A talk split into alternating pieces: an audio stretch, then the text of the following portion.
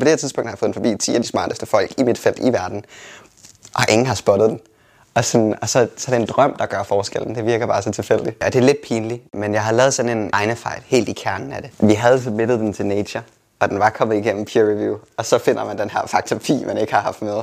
Og så går man lidt i panik. Mit navn er Albert Steppen. Jeg er phd studerende på The Cosmic Dawn Center og Niels Bohr Instituttet, hvor jeg forsker i neutronstjernekollisioner, galakseudvikling og, og kosmologi. Grundlæggende har vi opdaget formen på en kosmisk eksplosion. To meget, meget tætte stjerner, der er stødt ind i hinanden, fusioneret og født et sort hul. I det her form for bilsammenstød mellem stjernerne, var der den her øh, eksplosion, den her fyrværkeri af tunge grundstoffer, der blev kastet ud i universet. Og for første gang nogensinde ved vi, hvordan den eksplosion har set ud. Det er bogstaveligt talt farverne af en sol. Den er bare lige sådan et par hundrede millioner gange større i overfladeareal.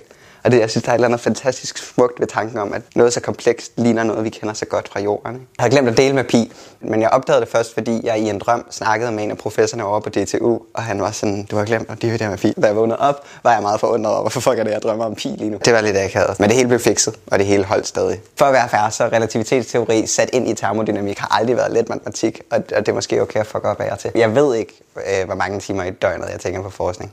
Jeg synes, det er ret afslappende at tænke på forskning. Selvom man så, du ved, til kollegiemiddag eller man vil spise med sin kæreste, så er det vel stadig sådan lidt noget, der eksisterer i den her tanke om, hvor gammel er universet? Det ved jeg ikke.